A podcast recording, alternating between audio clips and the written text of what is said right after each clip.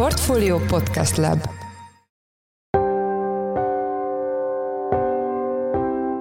Mindenkit üdvözlünk, ez a Portfolio Checklist július 6-án csütörtökön. A mai műsor első részében az igencsak megbomlott költségvetési egyensúlyról lesz szó. Az OTP Bank friss előrejelzése ugyanis már 6%-os hiányt vetít előre az idei év tekintetében a 3,9%-os kormányzati cél helyett. Hát mind a kiadási, mind a bevételi oldalon látunk problémákat, de talán a bevételi oldal az aggasztóbb. A témáról Rezesi Gergelyt, az OTP Bank makrogazdasági elemzőjét kérdezzük. Műsorunk második részében az elmúlt napokban óriási gyengülést produkáló forintról lesz szó. A magyar fizetőeszköz árfolyamára hatást gyakorló folyamatokkal kapcsolatban Beke Károly, lapunk makroelemzője lesz a vendégünk. Én Forrás Dávid vagyok, a Portfolio podcast szerkesztője, ez pedig a checklist július 6-án. Meglehetősen borulátó tanulmányt tett közzé az OTP Bank, melyben az idei költségvetési hiány előrejelzésüket 6%-ra növelték. Itt emlékeztetőül a kormány jelenleg 3,9%-kal tervez, és már a jövő évi prognózison is emelt a pénzintézet a témával kapcsolatban. Itt van velünk az OTP makrogazdasági elemzője, Rezesi Gergely. Szia, üdvözöllek a műsorban. Szia, én is üdvözöllek. Első kérdésem, hogy ugye a legutóbbi elemzésetek alapján, ahogy említettem, az idei költségvetési hiány az 6% lehet. Ugye a kormány az 3,9%-kal tervez. Itt milyen folyamatok járulnak hozzá ehhez a, az elcsúszáshoz? Inkább a kiadási vagy a, vagy a bevételi oldal érintett? Hát mind a kiadási, mind a bevételi oldalon látunk problémákat, de talán a bevételi oldal az aggasztóbb, úgyhogy ezzel kezdeném. Itt a legnagyobb probléma, hogy a az idei növekedés az alacsonyabb lehet, mint a várt. Úgy gondoljuk, a kormányzati előrejelzés nem mindenképpen, a piac is alacsonyabbat vár. És hát ugye az év az mindenképpen rosszul indult. Az év második felében számítanak az elemzők is, meg főleg a kormányzat egy élénkülésre és emiatt azt látjuk, hogy az eddig rendelkezésre álló adatok alapján, hogy, a, hogy az adóbevételek azok, azok gyengébben alakulnak a tervezetnél. Itt elsősorban az áfára és a jövedéki adóra kell gondolni, tehát a fogyasztáshoz kapcsolódó adókra, amelyik ugye a fogyasztás csökkenésével párhuzamosan nem alakulnak a vártnak megfelelően, és ez a kettő együtt egy igen nagy tényező a költségvetésben, egy nagy tétel a költségvetésben, ilyen 900 milliárd forint körüli, tehát látható, hogy emiatt egy néhány százalékos elcsúszás is, mondjuk egy két-három százalékos elcsúszás is 100 milliárdos tételeket jelent a költségvetésben. És a kiadási oldal? A kiadási oldalon ugye az egyik a nyugdíjemelés, Tudjuk, hogy a költségvetés 15%-os inflációval számolt idénre, és ennek megfelelően emelték a nyugdíjakat is, viszont látszik, hogy ez még akkor is, hogyha meredeken csökken az év második felében az infláció, ez a 15% az nem reális, inkább ilyen 18% körül alakulhat. Tehát, hogyha a kormány tartja az ígéretét és a nyugdíjak reálértékét megőrzi, akkor ugye még egy újabb nyugdíjemelésről lesz idén szükség, ami nincs benne jelenleg a költségvetésben. A közféra béreket is meglehetősen visszafogottan tervezték az idei költségvetésben, tehát reálbér csökkenést eredményezne ez a közféra dolgozói számára, és úgy gondoljuk, hogy itt is kialakulhatnak még feszültségek, és nem feltétlenül tudja tartani ezeket a meglehetősen fukar terveket a költségvetés a bérek esetében, tehát itt is láttunk egy kockázatot, illetve hát a, különösen a forint utóbbi napokban látható gyengülése kapcsán a kamatkiadások terén is. Ugye az MNB megindította a kamatcsökkentési ciklusát, ami enyhíthetne a kamatkiadásokon, de ha a forint ugye erre nem megfelelően reagál, akkor, akkor ez még kérdéseket vethet föl. A forintról még kérdeznélek egy kicsit később, de hogyha valaki nem mozog annyira otthonosan a költségvetésben, akkor hogy tudnánk szemléltetni, hogy mekkora probléma egy olyan típusú elcsúszás, hogy tervezünk 3,9%-kal, és akár 6% is lehet a hiány, és mik ilyenkor a legfontosabb kezelendő kihívások? Hát ez nagy problémát jelent, egy ilyen elcsúszás, különösen annak a fényében, hogy a COVID előtti utolsó években a fiskális és a monetáris politika is meglehetősen túlfűtötte a gazdaságot. Ugye volt egy kedvező tíz év, a 2008-as, 9-es gazdasági válság után, amikor kedvező volt a külső környezet, alacsonyak voltak a kamatok, jól ment a magyar gazdaságnak is, és ekkor ugye adócsökkentésekkel, ugye emlékszünk, hogy a SZIA-t is, a szocfót is többször csökkentették, illetve a családtámogatások emelésével, ugye csok, babaváros, stb. bevezetésével, lehetett élénkíteni a gazdaságot. Most úgy tűnik, hogy ez az időszak elmúlt, a külső környezet is kedvezőtlenebbé vált, ugye magasabb lett az infláció, ezért a monetáris politika is restriktívebb, ezek mind veszélyt jelentenek a növekedésre, és ugye egy ilyen helyzetben egy olyan költségvetéssel neki indulni, ami igen magas hiányt mutat, tehát, tehát költségvetési visszafogásra van szükség, vagy megszorításra van szükség, az nyilván kedvezőtlen a, a, a növekedés meg a magyar gazdaság szempontjából. Sokkal kedvezőbb lenne, hogyha egy alacsonyabb hiányra, vagy akár egy egyensúlyi költségvetéssel indulnánk neki egy ilyen időszaknak, és akkor legalább a egyéb tényezők mellett a költségvetés nem, lenne, nem hatna negatívan a növekedésre, hanem akár segíteni tudná. Ugye már említett tanulmányotokban közöltetek egy ábrakészletet, itt az idei pályában a, a finanszírozás és az egyéb tételek mutatnak ilyen meredeken emelkedő trendet a költségek oldalán. Ugye a finanszírozási tételekben az államadóság finanszírozásnál már ugye említetted a, a kamatkiadások elszállását, de mit fednek az egyéb kiadások? Hát itt az egyéb kiadások a növekedése az leginkább a rezsitámogatások megemelkedését fedi. Ugye ismert, hogy az idei első hónapokban, májusig igen magas támogatást fizetett ki a rezsivédelmi alapból a költségvetés a MVM számára, hogy fedezze a veszteségeit, és mindezt annak ellenére, ugye, hogy azt gondolnánk, hogy az utóbbi hetekben, hónapokban látható gázár csökkenéssel párhuzamosan a rezsivédelemnek a költsége is csökkennek, de a múlt évben ezek a beszerzések lelettek fedezve egy magasabb árszinten, így gyakorlatilag a rezsivédelmi alapnak az idei összeg az be van fagyasztva a költségvetésben, erre nem fognak kedvezően hatni a, az idén csökkenő energiaárak, és hát ezeket majd folyamatosan az év során ki kell fizetni az MVM számára, tehát ez, ez egy emelkedő kiadással járt eddig is, és idén járni is fog a költségvetés számára. Létezik egy ilyen mantra elemzői körökben, hogy a magyar adózási környezet az annyira támaszkodik a fogyasztás alapú adóterhekre, hogy tulajdonképpen amikor nő az infláció, akkor azzal jól jár a költségvetés. Ez az idei év, ez mennyire cáfolja meg ezt a mondást? Hát ez az elmélet ez akkor igaz, hogyha váratlanul éri az infláció a gazdasági szereplőket,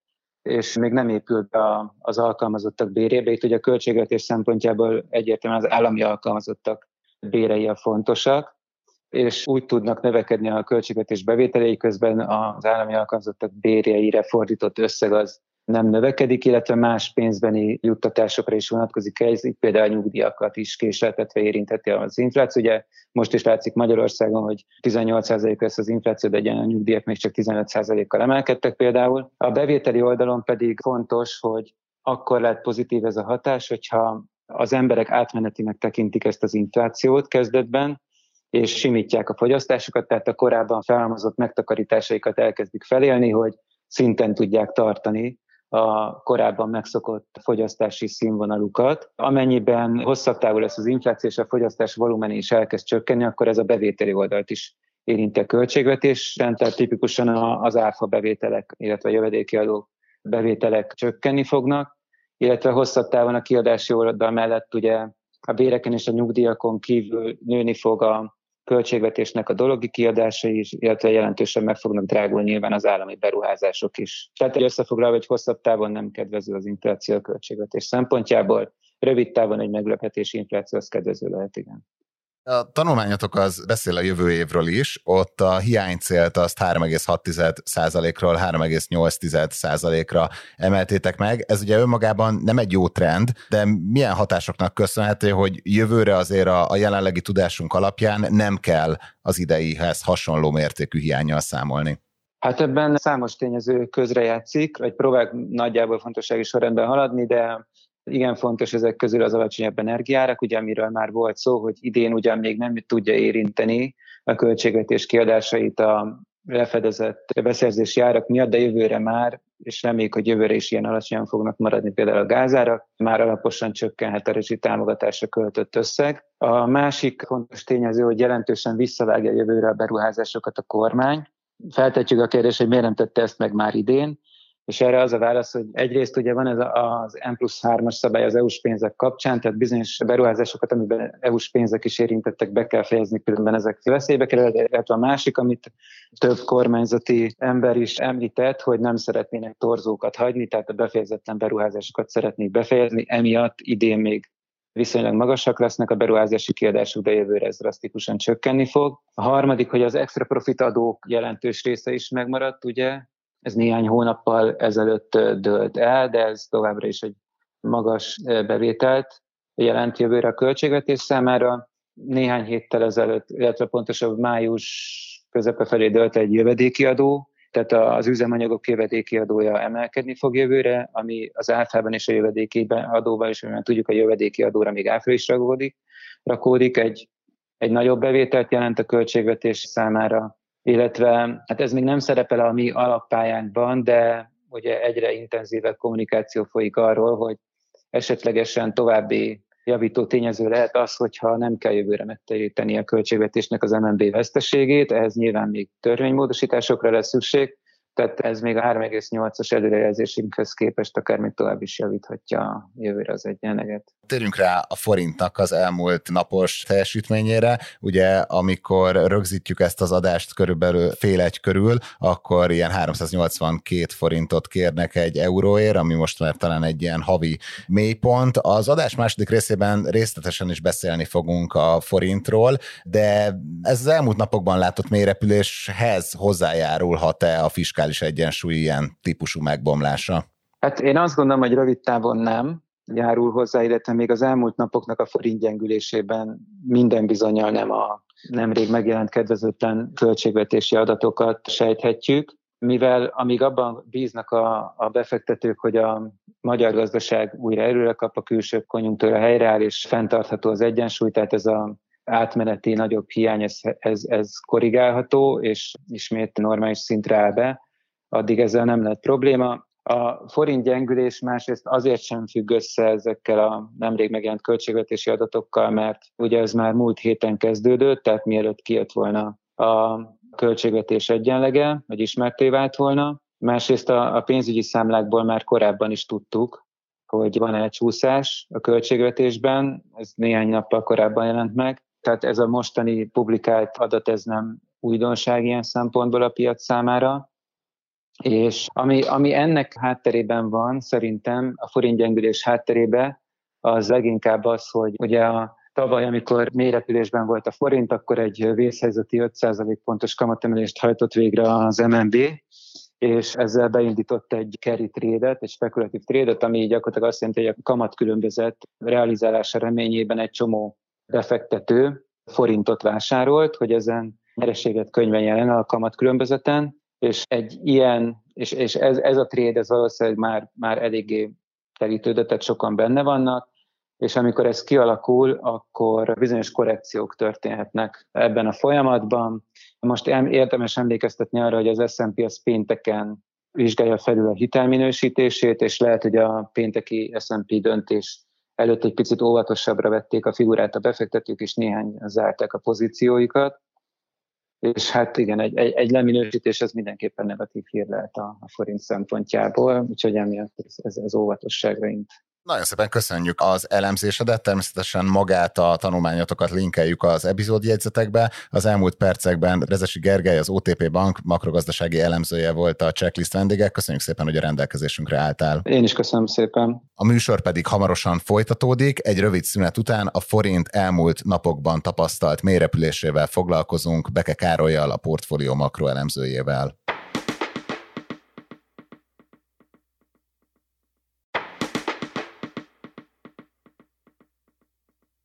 Ahogy az előző részben beharangoztuk, a forinttal folytatjuk, a magyar fizetőeszköz ugyanis több havi mélyponton áll a nagyobb devizákkal szemben. A témával kapcsolatban itt van velünk Beke Károly, a portfólió makroelemzője. Szia! Sziasztok! Ugye, ahogy az előző részben is szó volt róla, nem a fiskális egyensúlyban kell keresni a forint árfolyam szakadásának okait, de akkor mivel magyarázható az elmúlt pár napban látott gyengélkedés? Akikkel én beszéltem, piaci szakértők, ők nagyrészt devizakereskedők vagy elemzők, ők azt gondolják, hogy igazából most került a helyére a forint az elmúlt napokban. Tehát amit az elmúlt hónapokban vártunk, és többször elmondtunk, hogy túlságosan erős a forint, túlpozicionáltság van a forintban, túl sokan fogadnak a magyar deviza további erősödésére, az a folyamat ért most véget, talán egy picit hirtelen is, talán gyorsabban, mint ahogy azt sokan várták érdemes szerintem az állampapírpiaci folyamatok oldaláról is megnézni a dolgot. Az elmúlt hetekben egy elég jelentős hozamesés volt az állampapírpiacon. Ugye itt részben kormányzati beavatkozások voltak ennek az okai, ugye született egy olyan kormányrendelet, ami a befektetési alapokat diszkontkincstárjegyek vásárlására kötelezte, emiatt egy nagyon jelentős kereslet jelent meg június végén a, a DKI piacon, ez most lecsengett az elmúlt napokban, tehát a héten volt három aukció, mind a három sikertelen volt, nem sikerült eladni a tervezett mennyiséget, de egyébként a kötvények esetében is volt egy elég jelentős hozamesés, és ez valóban arra ösztönözhetett néhány befektetőt, elsősorban külföldi befektetőket, hogy realizálják ezt a hozamot, amit elértek a magyar állampapírokon. Ugye a hozamok esése az gyakorlatban az árfolyamok emelkedését jelenti, tehát ők nyertek ezen a folyamaton, és ezt, ezeket a pozíciókat zárhatták. Elképzelhető az is, hogy egy-két nagyobb szereplő volt, aki kiváltotta ezt a folyamatot, tehát hogy egy-két nagyobb szereplő zárta a pozícióját, és ezt látva mások is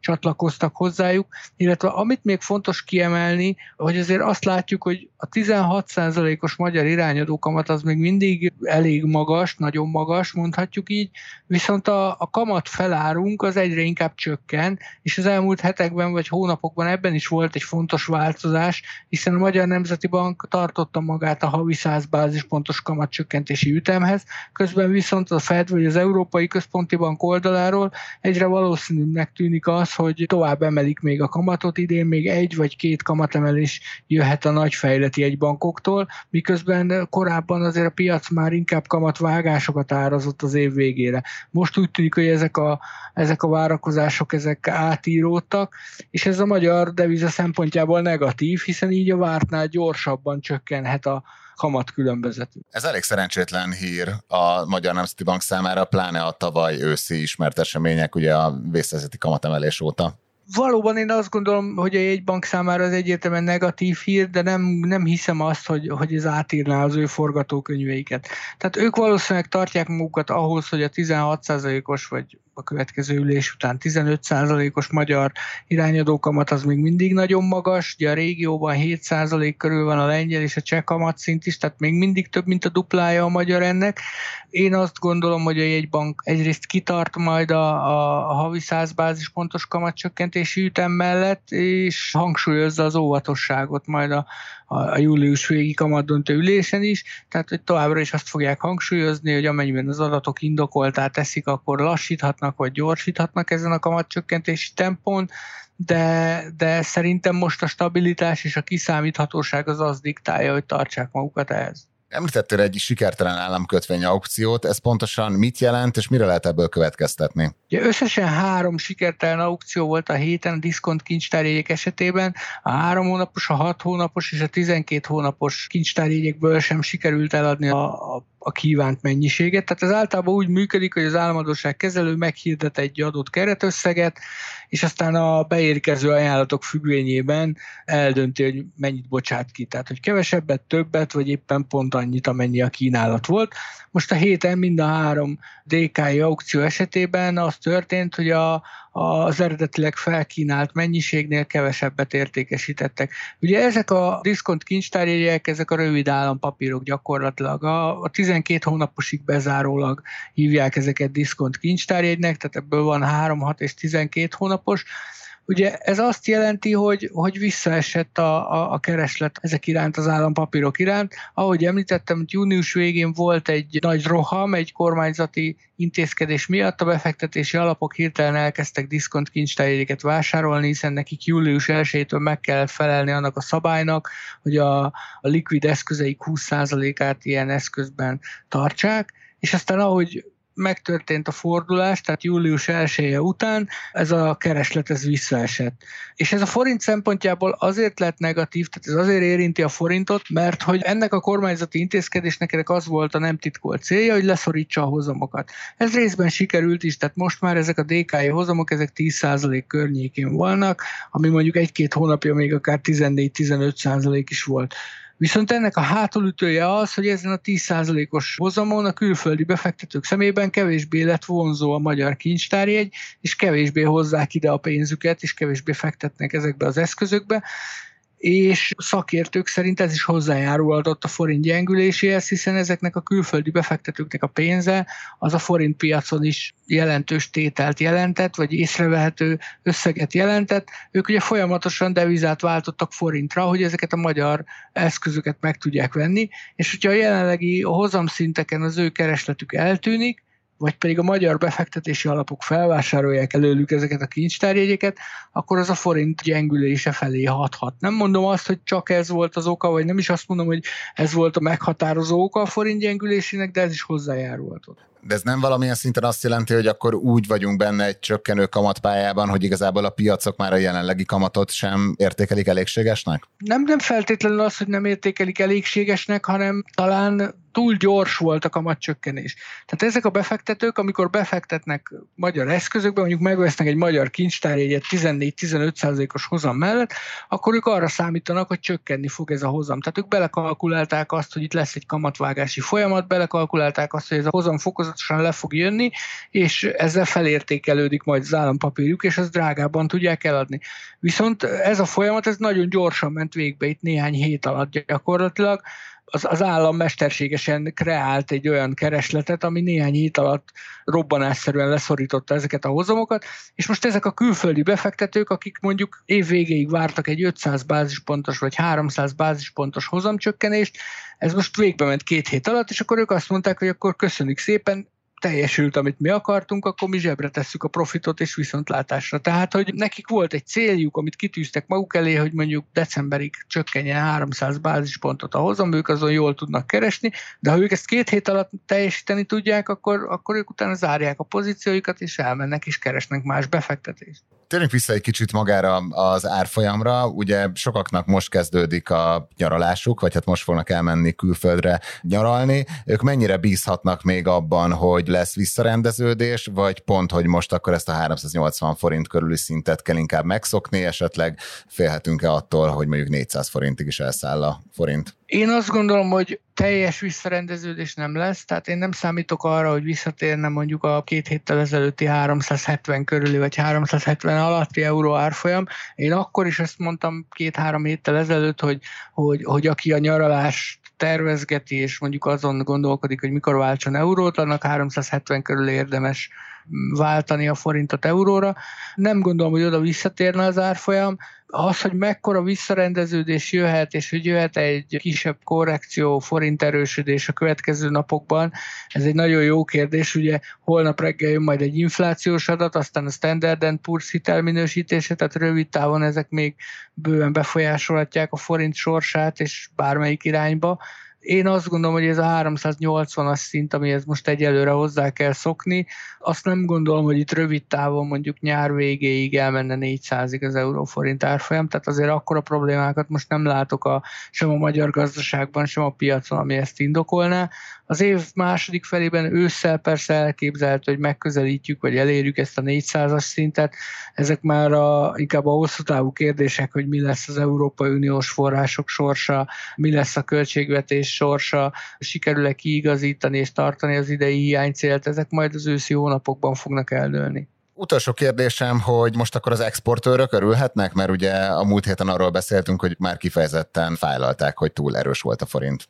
Hát én azt gondolom, hogyha nem is örülhetnek, de kevésbé lehetnek szomorúak. Ugye a múlt héten Sinko Otto a videóton társvezérigazgatója azt mondta, hogy szerinte 385 és 400 között lenne az az euró árfolyam, ami számukra is elfogadható lenne, és a gazdaságnak sem okozna komoly károkat. Ugye ennek az alsó szélét, tehát a 385-öt azt ma majdnem elértük a kora reggeli órákban, tehát azt gondolom, hogy most kevésbé lehetnek talán szomorúak, és egy picit fellélegezhetnek, ha lehet így fogalmazni, de azért ők még szerintem bőven el tudnának viselni egy ennél gyengébb forint árfolyamon. Hát nagyon szépen köszönjük az elemzésedet. Az elmúlt percekben Beke Károly a portfólió makrogazdasági elemzője volt a checklist vendége. Köszönjük szépen, hogy a rendelkezésünkre álltál. Köszönöm szépen, sziasztok!